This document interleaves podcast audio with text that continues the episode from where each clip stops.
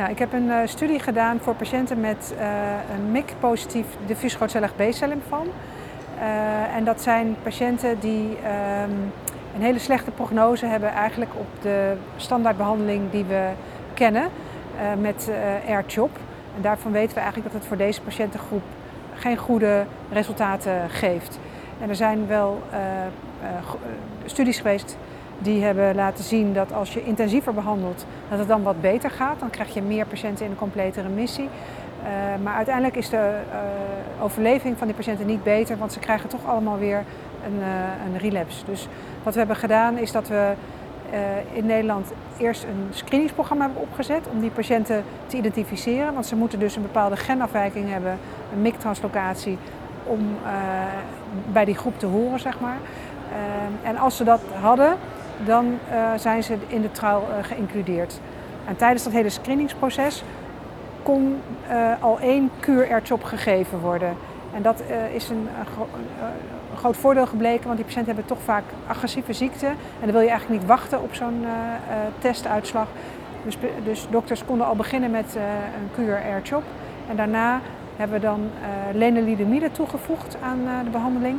En dat hebben we gedaan omdat lenalidomide daarvan weten we in het laboratorium dat dat ehm, de MIC eh, eh, levels, zeg maar zeggen, de, de hoogte van het eiwit eh, vermindert en dat daardoor ook een heleboel door MIC gereguleerde andere genen en eiwitten ook ehm, veranderen en tot dat verbeteringen leiden. Dus dat was de reden om die lenalidomide toe te voegen aan.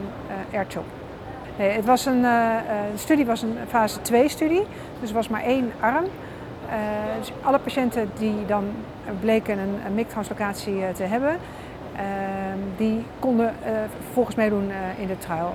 En dat betekent dat er patiënten met alleen een MIC-translocatie in hebben gezeten, maar ook wat we noemen de double hit en de triple hit patiënten, dus die ook een BCL2 en of een BCL6 translocatie hebben. Die konden ook meedoen in deze trial. En dat is eigenlijk de grootste, de grootste groep.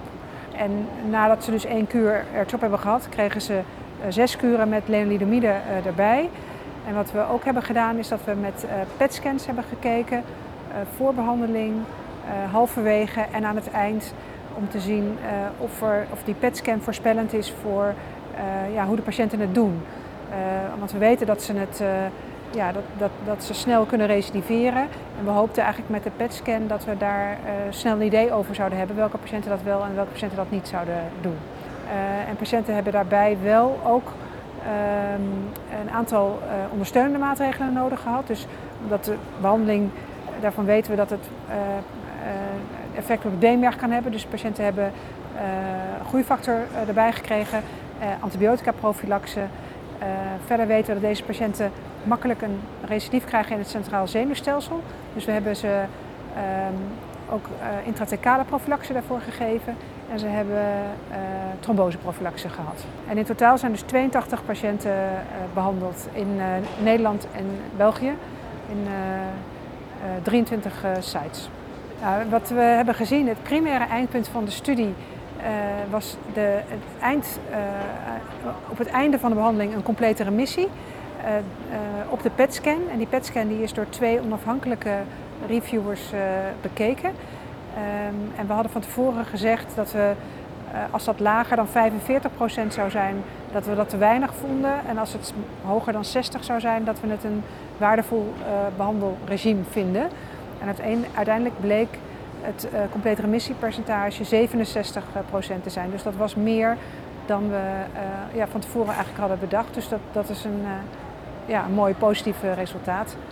En ook als we kijken naar de overleving, overlevingscurves. Het was natuurlijk niet een gerandomiseerde studie, dus die moeten we vergelijken met historische uh, uh, data.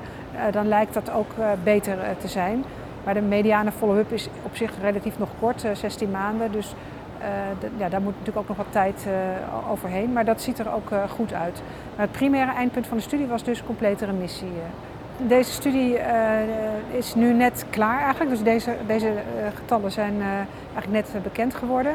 Maar we waren al bezig om voor dezelfde groep een vervolgstudie te ontwerpen. Um, en die loopt ook al. en dat is het vervolg op de hoofd van 130 en dat is nu de hoofd van 152. En wat we daarin doen is dat we patiënten behandelen met dosis IPOG. Dat is eigenlijk een intensiever chemotherapie schema. waarvan ja, we uit de literatuur dan weten dat het wel wat beter altijd was dan R-CHOP. Iets meer complete remissie gaf en ook een wat langere progressievrije overleving. Uh, maar dat de patiënten toch recidiveren. En daarom wordt er nu dan aan dat dosis het IPOG-schema nog een uh, jaar lang nivolumab onderhoud uh, toegevoegd. Dus dat is eigenlijk nu het nieuwe, nieuwe, nieuwe, studie die er is. En op zich is het denk ik wel altijd goed om patiënten in studieverband te behandelen. Um, maar we gaan nu wel de discussie natuurlijk voeren of dit chop lenalidomide regime wat we hebben ontworpen, ja, welke plek dat moet gaan krijgen. Um, dus da, da, da, dat volgt nog. Maar de data zijn heel vers, dus daar moeten we, gewoon, uh, daar moeten we het nog over hebben hoe we dat uh, gaan doen. Maar we hebben op zich dus al een nieuwe studie voor deze patiëntengroep.